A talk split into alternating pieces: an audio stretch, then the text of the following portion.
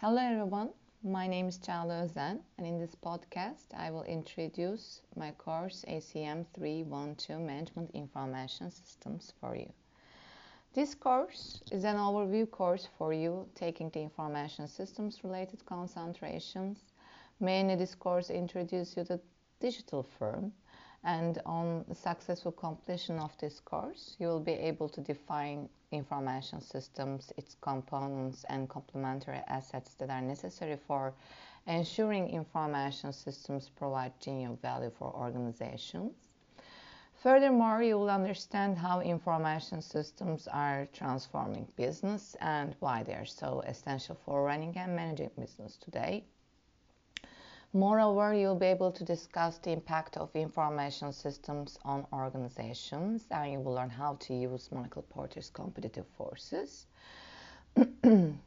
Next, you will be able to describe the challenges posed by strategic information systems and address them and examine ethical, social, and political issues that are raised by information systems.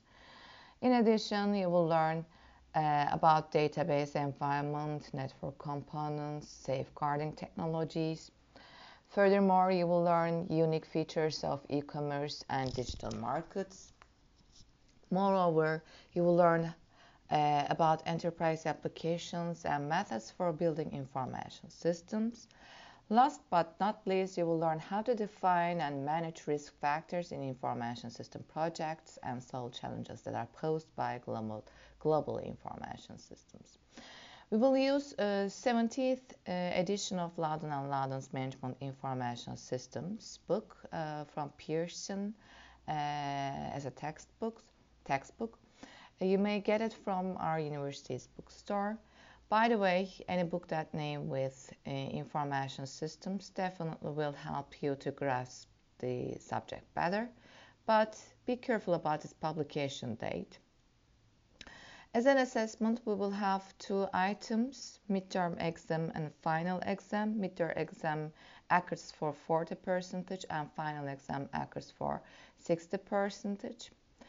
Uh, I hope you will enjoy this course and whole term. Thank you for listening.